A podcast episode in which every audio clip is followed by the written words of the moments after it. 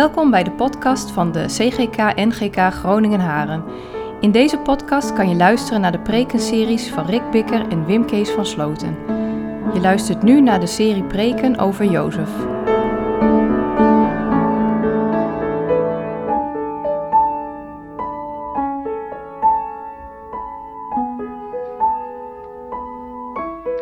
We willen samen lezen uit de Bijbel. Vorige week heeft de dominee van Spijker hier, eh, wat mij betreft, een erg indrukwekkende preek gehouden. Over eh, Jozef, over de schenker en de bakker. En over eh, Potifar. En eh, ik wil eigenlijk met jullie verder lezen. We gaan lezen over Jozef bij eh, de farao. Genesis 41 vanaf vers 1. Twee volle jaren later kreeg de farao een droom. Hij droomde dat hij aan de Nijl stond. En toen zag hij zeven koeien uit de Nijl komen. Het waren mooie koeien, die goed in het vlees zaten. Ze gingen grazen in het oevergras en kijk, daar kwamen weer zeven koeien uit het water en die waren lelijk en mager. Ze voegden zich bij de andere koeien aan de oever van de rivier en die lelijke, magere koeien aten de zeven mooie, vette koeien op. Hierna werd de farao wakker, maar hij viel weer in slaap en kreeg voor de tweede keer een droom. Zeven mooie, rijpe korenaren schoten op uit één halm. Toen schoten er zeven andere aren op. Die waren iel en door de oostenwind verschroeid. En die armetierige aren slokten de zeven rijke, rijpe, volle aren op. De farao werd wakker en besefte dat hij alles had gedroomd. De volgende morgen was hij hevig verontrust. Daarom ontbood hij alle magiërs en geleerden van Egypte en vertelde hun wat hij had gedroomd. Maar er was niemand die hem de droom kon uitleggen. Toen zei de opperschenker, dit brengt mij ertoe, farao, u eraan te herinneren dat ik eens een vergrijp had gepleegd. U was woedend op mij en op een van uw andere dienaren, de opperbakker, en u liet ons vastzetten in de gevangenis van de commandant van de lijfwacht van Potifar. Op een nacht kregen de bakker en ik allebei een droom, ieder een droom met een eigen betekenis. Was daar ook een jonge Hebreeër, een slaaf van de commandant van de lijfwacht. Toen we hem onze dromen vertelden, legde hij ze uit. Hij gaf ons allebei de verklaring van onze droom. En wat er daarna gebeurde kwam precies overeen met zijn uitleg. Ik werd in mijn ambt hersteld, de bakker werd opgehangen. Hierop gaf de farao bevel om Jozef bij hem te brengen. Onmiddellijk werd Jozef uit de kerker gehaald. Hij werd geschoren. Hij kreeg schone kleren aan. En toen hij voor de farao verscheen, zei deze tegen hem: Ik heb een droom gehad. En niemand kan hem uitleggen. En nu heb ik over u horen zeggen dat u een droom maar hoeft te horen of u kunt hem verklaren. Jozef antwoordde: Dat is niet aan mij, maar misschien geeft God een uitleg die gunstig is voor de farao. Toen deed de farao hem zijn verhaal. In mijn droom, droom stond ik aan de Nijl. Opeens kwamen daar zeven koeien uit. Mooie koeien die goed in het vlees zaten. Ze gingen grazen in het oevergras. Daarna kwamen er zeven andere koeien uit het water. Die waren afschuwelijk mager, fel over been. Ik heb in heel Egypte nog nooit zulke lelijke koeien gezien. En die magere, lelijke koeien aten de zeven eerste vette koeien op. Maar toen ze, naar binnen toen ze die naar binnen hadden gewerkt, was daar niets van aan te merken. Ze zagen er nog even lelijk uit als eerst. Toen werd ik wakker. Even later droomde ik dat er uit één halm zeven mooie volle korenaren opschoten. Daar kwamen er weer zeven aren op en die waren dor en iel en door de oostenwind verschroeid. Die armetierige korenaren verslonden de zeven mooie aren. Ik heb die voorgelegd aan mijn magiërs, maar geen van hen kon me er iets over zeggen. Jozef zei tegen Farao, u hebt tweemaal hetzelfde gedroomd, Farao. En God heeft u bekendgemaakt wat hij gaat doen. De zeven mooie koeien zijn zeven jaren en die zeven mooie korenaren zijn ook zeven jaren. Het is één en dezelfde droom. De zeven magere, lelijke koeien die daarna tevoorschijn kwamen, staan ook voor zeven jaren. Net zoals de zeven lege aren die door de wind verschroeid waren. Er zullen zeven jaren van hongersnood komen. Het is, Farao, zoals ik u daarnet zei. God heeft u laten zien wat hij gaat doen. Er komen zeven jaren waarin er in heel Egypte grote overvloed zal zijn. En daarna volgen zeven jaren van hongersnood. Dan zal niemand zich nog iets herinneren van de overvloed die er in Egypte was. De hongersnood zal het land te gronden richten. Zo erg zal het zijn dat er van de eerdere overvloed niets meer te bespeuren valt. Dat u deze droom tweemaal hebt gekregen, betekent dat God, Gods besluit vaststaat en dat Hij het binnenkort gaat uitvoeren. U zou er daarom goed aan doen, Farao, een verstandig en wijs man te zoeken en het bestuur over Egypte aan hem toe te vertrouwen. Ook zou u krachtige maatregelen moeten nemen. Ik raad u aan in het hele land opzichters aan te stellen en tijdens de zeven jaren van overvloed een vijfde te vorderen van wat het land opbrengt. Al het voedsel dat Egypte opbrengt in de goede jaren die straks aanbreken, moet worden verzameld. U moet erop toezien dat er in de steden graan wordt opgeslagen. En dat graan moet zuinig worden bewaard. Uit die voedselvoorraad kan het land dan putten in de zeven jaren van hongersnood die het te wachten staan. Zo hoeft Egypte niet van de honger om te komen. Zowel de farao als zijn dienaren vonden dit een goed voorstel. Zouden we ooit iemand kunnen vinden als deze man? Iemand die zo vervuld is van Gods geest, zei de farao tegen hen. Toen richtte hij zich weer tot Jozef. Aangezien God u dit allemaal bekend heeft gemaakt, is er vast niemand die zo verstandig en wijs is als u. U vertrouw ik het bestuur van mijn paleis toe. En heel mijn volk zal doen wat u beveelt. Alleen door de troon zal ik boven u staan. Hij vervolgde, hiermee geef ik u het gezag over heel Egypte. Hij deed zijn zegelring af, schoof die aan Jozefs vinger, gaf hem kleren van fijn linnen en hing hem een gouden keten om de hals. Hij liet hem rondrijden in de, een, op, in de op één na mooiste wagen die hij bezat. En voor Jozef uit gingen dienaren die riepen, eerbied. Zo stelde hij Jozef aan over heel Egypte. Ik ben de farao, zei hij, maar zonder uw toestemming zal niemand in heel Egypte ook maar één stap verzetten. Hij gaf Jozef de naam Safenat Paneach en hij gaf hem Asnat tot vrouw. Zij was een dochter van Potifera, een priester uit Heliopolis. Jozef reisde heel Egypte door. Dertig jaar was hij toen hij voor de farao, de koning van Egypte, verscheen. En nadat hij het koninklijk paleis had verlaten, trok hij door heel Egypte. Tot zover het lezen uit het woord van God. Zalig wie dat woord hoort en wie daaruit leeft. Ja, gemeente van de Heer Jezus Christus. Ik heb als uh, preekthema of als titel uh, gekozen voor de woorden de treden naar de troon. De treden naar de troon. Ja, en op het moment dat je dan uh, samen een beetje Jozef aan het volgen bent, zoals we vorige week samen deden met dominee van Spijker, heb je helemaal niet het idee dat je treden aan het beklimmen bent naar de troon. Integendeel, het gaat eigenlijk alleen maar van kwaad tot erger. En proefde u dat ook een beetje in die preek vorige week van, dat dat zo heel dichtbij komt, omdat het soms in je eigen leven ook zo is. Dat, dat donker en dat je niet snapt waarom de weg zo gaat. En, en dat je dan ook bij Jozef zag van, hij deed altijd precies wat God van hem vroeg. Hij wilde doen wat God van hem vroeg. Hij had ook nog oog voor mensen. Hij zette zich in voor andere mensen. En toch ging hij van, Egypte, van, van thuis ging hij naar Egypte. Dat, dat is al eh, van huis weg. En dan in Egypte kwam hij ook nog eens in de gevangenis terecht. Nou, dieper kun je bijna niet zakken. Want Egypte is in de Bijbel eigenlijk altijd het land van de dood. Dat is het land waar God niet wordt gediend. En dan ook nog eens in de gevangenis. En dat waren niet van die uh, mooi georganiseerde gevangenissen zoals wij die tegenwoordig uh, kennen in ons deel van de wereld. Het waren gevaarlijke en uh, enge donkere putten. Waar je zelf maar een beetje moest zien dat je overleefde.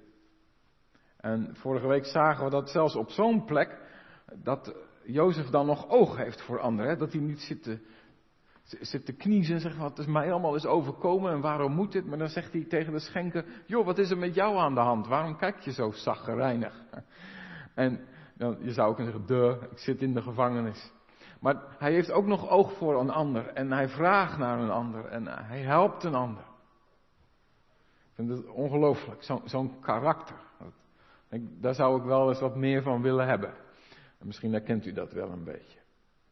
Maar met, met dat mooie karakter van hem gaat het dus elke keer alleen maar slechter eigenlijk. Hè? Hij raakt steeds verder weg van wat wij zouden zien als dit is Gods weg met jou. In de gevangenis in Egypte. En, en, en dat is nou zo, dat is zo heerlijk gemeente. Dat op het moment dat wij denken, dieper kan het niet, het kan niet erger, wat moet hier nog van komen? Dat dat het moment is waarop alles kantelt en waarop alles draait en dan opeens blijkt, en dan zeg ik het maar even zo, zodat u misschien, dat er een lampje even gaat, gaat flitsen. De trappen van vernedering in het leven van Jozef, die worden dan trappen van verhoging. Dat zijn woorden die in de catechismus ook worden gebruikt hè, voor de weg van Jezus. Uit de hemel komen, mens worden, arm zijn in een stal en dan uiteindelijk moeten lijden en sterven aan het kruis en begraven worden. En dan de verhoging opstaan uit de dood, opgevaren naar de hemel, die zit aan de rechterhand van de Vader, van waar hij komen zal om te oordelen. Zie je, de weg omlaag en de weg omhoog. Eigenlijk moet ik voor jullie zo doen, de weg omlaag en de weg omhoog. Dat, dat is hoe God de dingen doet, gemeente. Op het moment dat wij denken, dit wordt nooit meer wat. Dan ontdekken we opeens dat Hij er is. En dan dat Hij dingen maakt, zodat je je verwonderen moet. En dat dat niet een toevalligheidje is, of dat niet God opeens een mooie draai eraan kan geven omdat hij een gelegenheid ziet om er toch nog iets van te maken. Dat zie je daarin dat, dat er een patroon zit in het leven van Jozef. En dat heb je al gezien, denk ik, hè, van twee dromen van Jozef. Over dat uh, iedereen voor hem zal buigen. Twee dromen in de gevangenis. Van de schenker en de bakker. Over vernederen en verhogen. Twee dromen van de farao.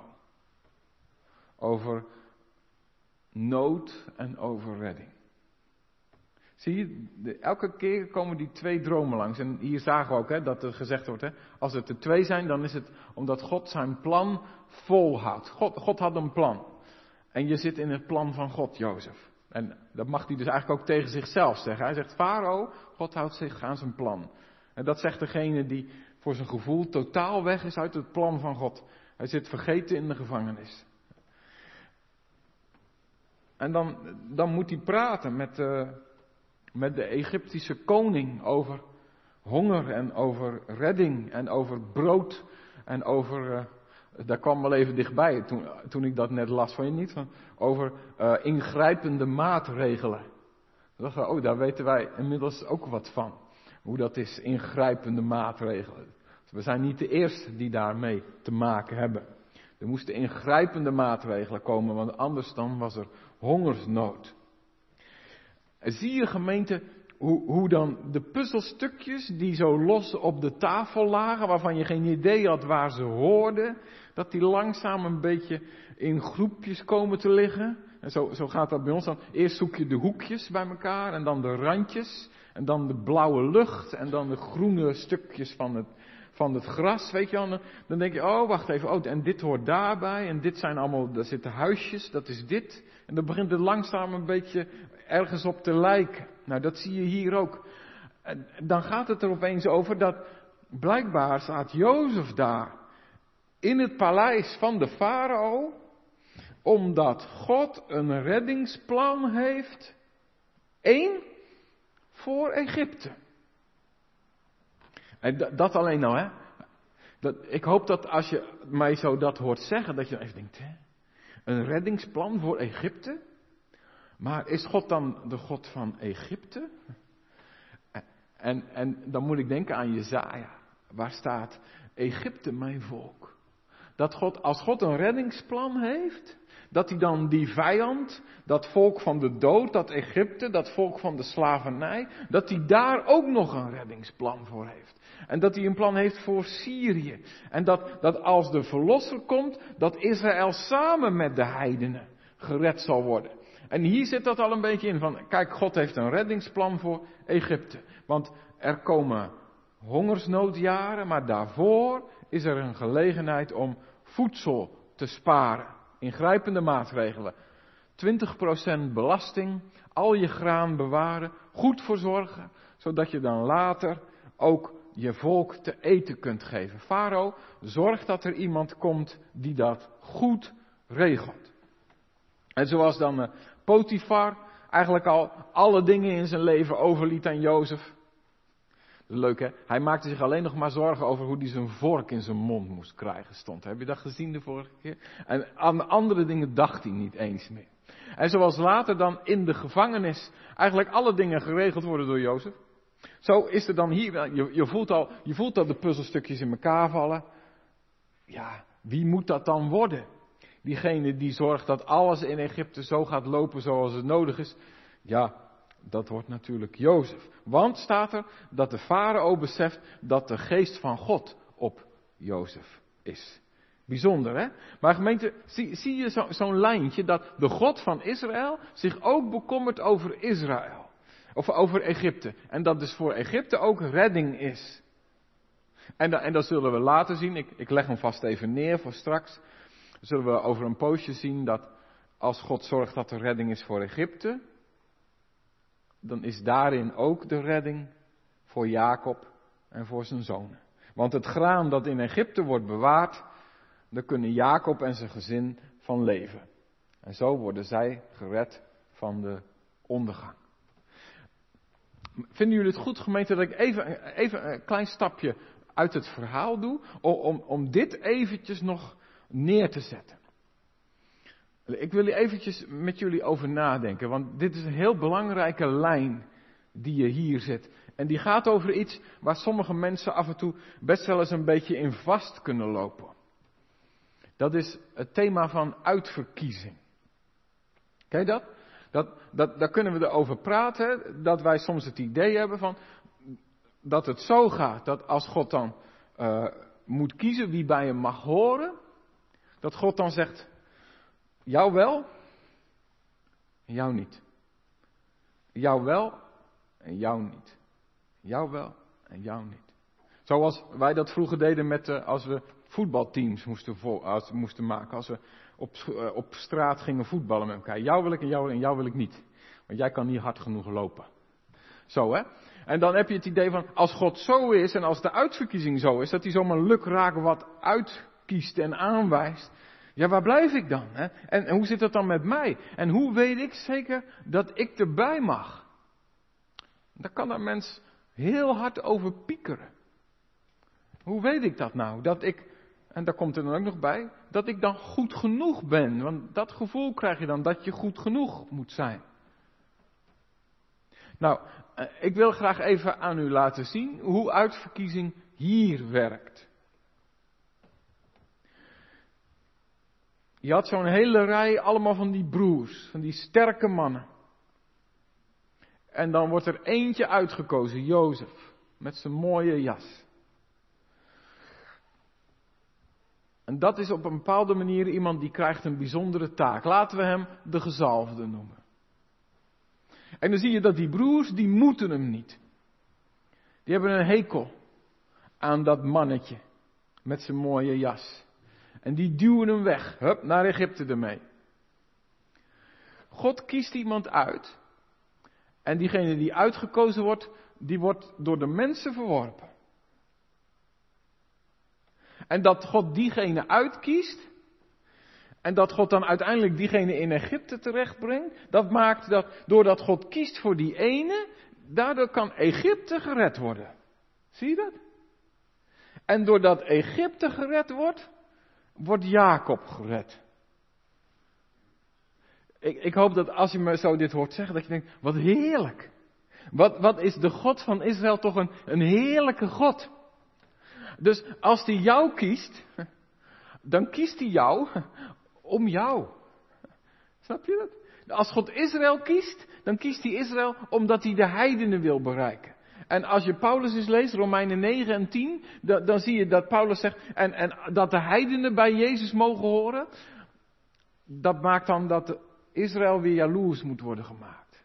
Als God voor de een kiest, dan heeft hij daarmee de ander op het oog. Heerlijk, hè? Dat, zo is de God van Israël. En, en daarom zijn we ook altijd samen gemeente. Dat, eh, nou, ik wilde dat gewoon even laten zien. Zie je die lijn liggen? Zie je hoe, hoe wijd dat is? Hoe wijs dat is? Hoe gul dat is? Hoe rijk dat is? Hoe genadevol dat is? Dat is hoe uitverkiezing werkt in dit Bijbelgedeelte. En ik wilde gewoon even dat u dat zag. En dat jij dat zag. En dat begint dus met die jongen met dat kleed. Die jongen die uh, weggeduwd wordt. Die in de put moet van zijn broers. daar begint God. En het eindigt dan in de gevangenis. En dan wordt die jongen, die wordt de koning van heel het land. Heb je dat een paar keer wordt dat gezegd? Het hele land. Hij reisde door het hele land. Alles, de jongen die alleen maar die put had, die later alleen maar die cel had in de gevangenis, die mag nu het hele land doorreizen, want het is allemaal van hem.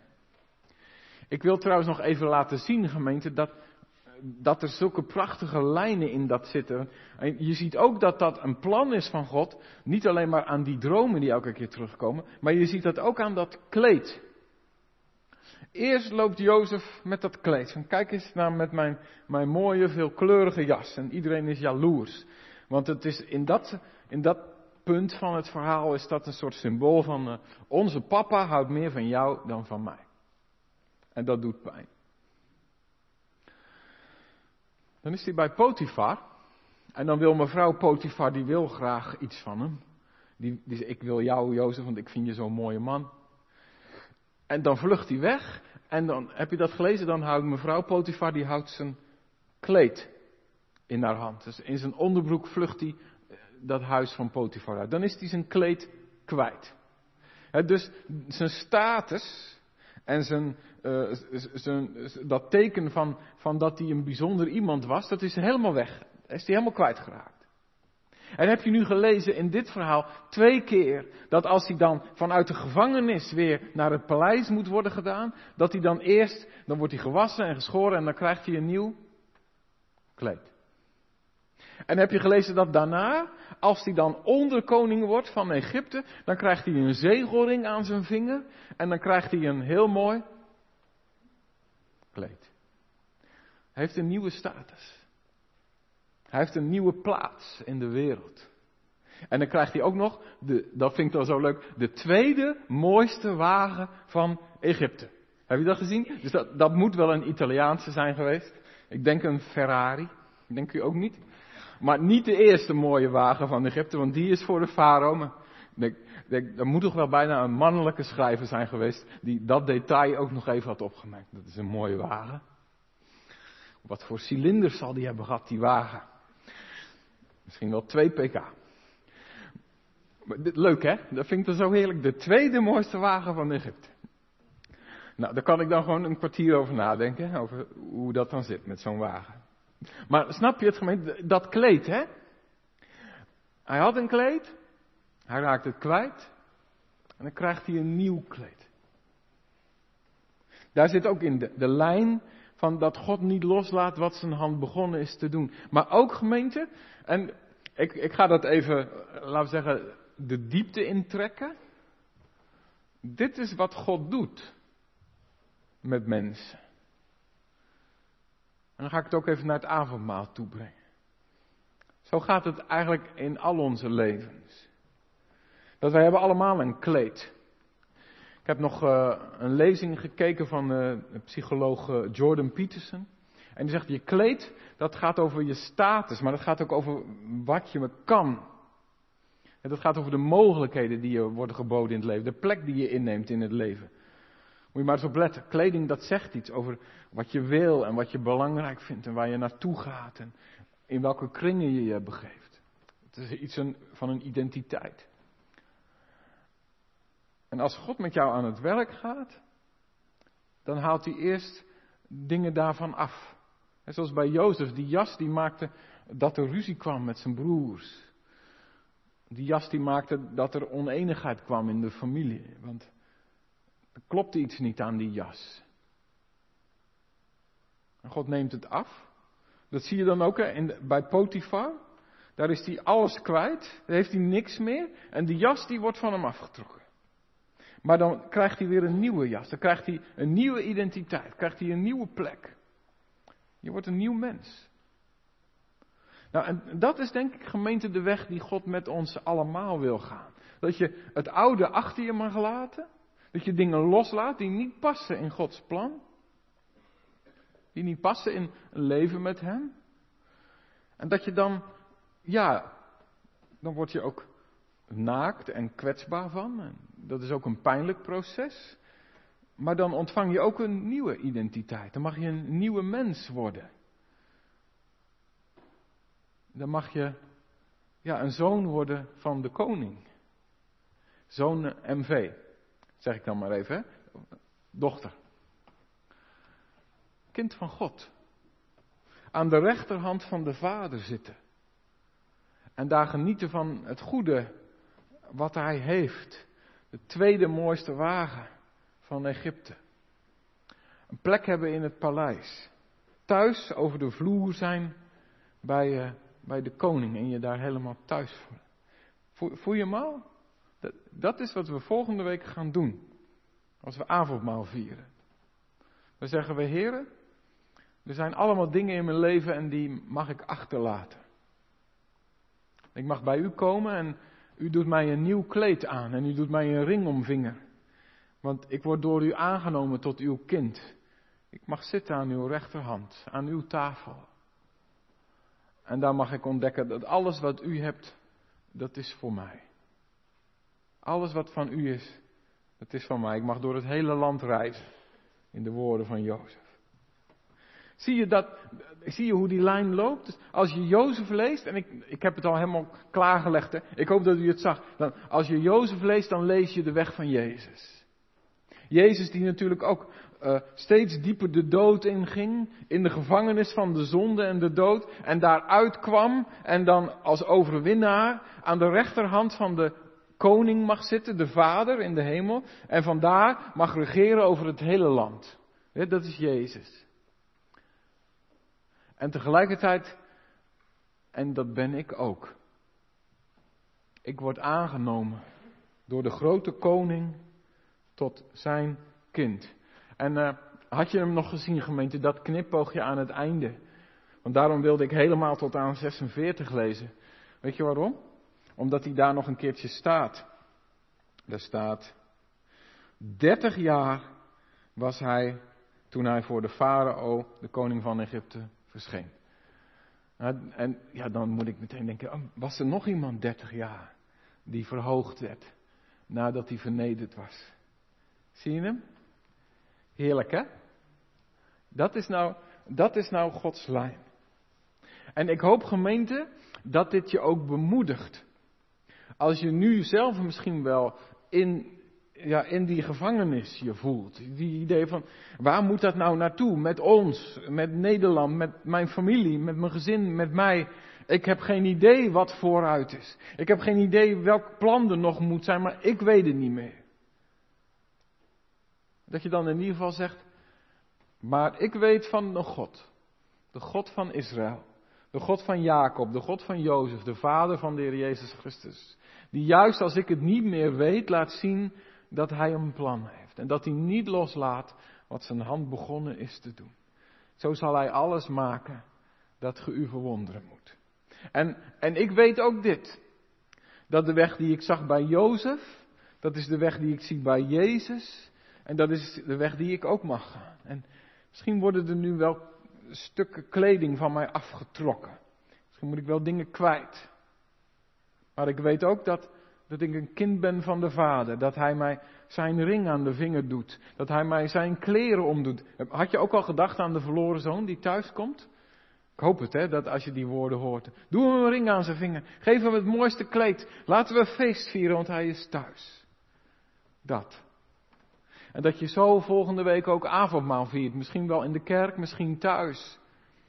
Dat je dit zegt. Wat het ook is allemaal, waar ik mee worstel. Dit weet ik. Ik mag een kind zijn van God. Uit genade.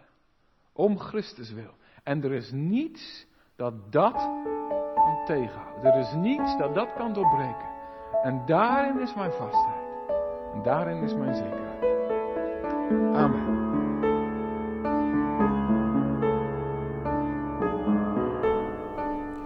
Bedankt dat je naar deze podcast hebt geluisterd. Wil je reageren? Stuur dan een e-mail naar podcast.cgk-gn.nl. Hopelijk tot de volgende aflevering.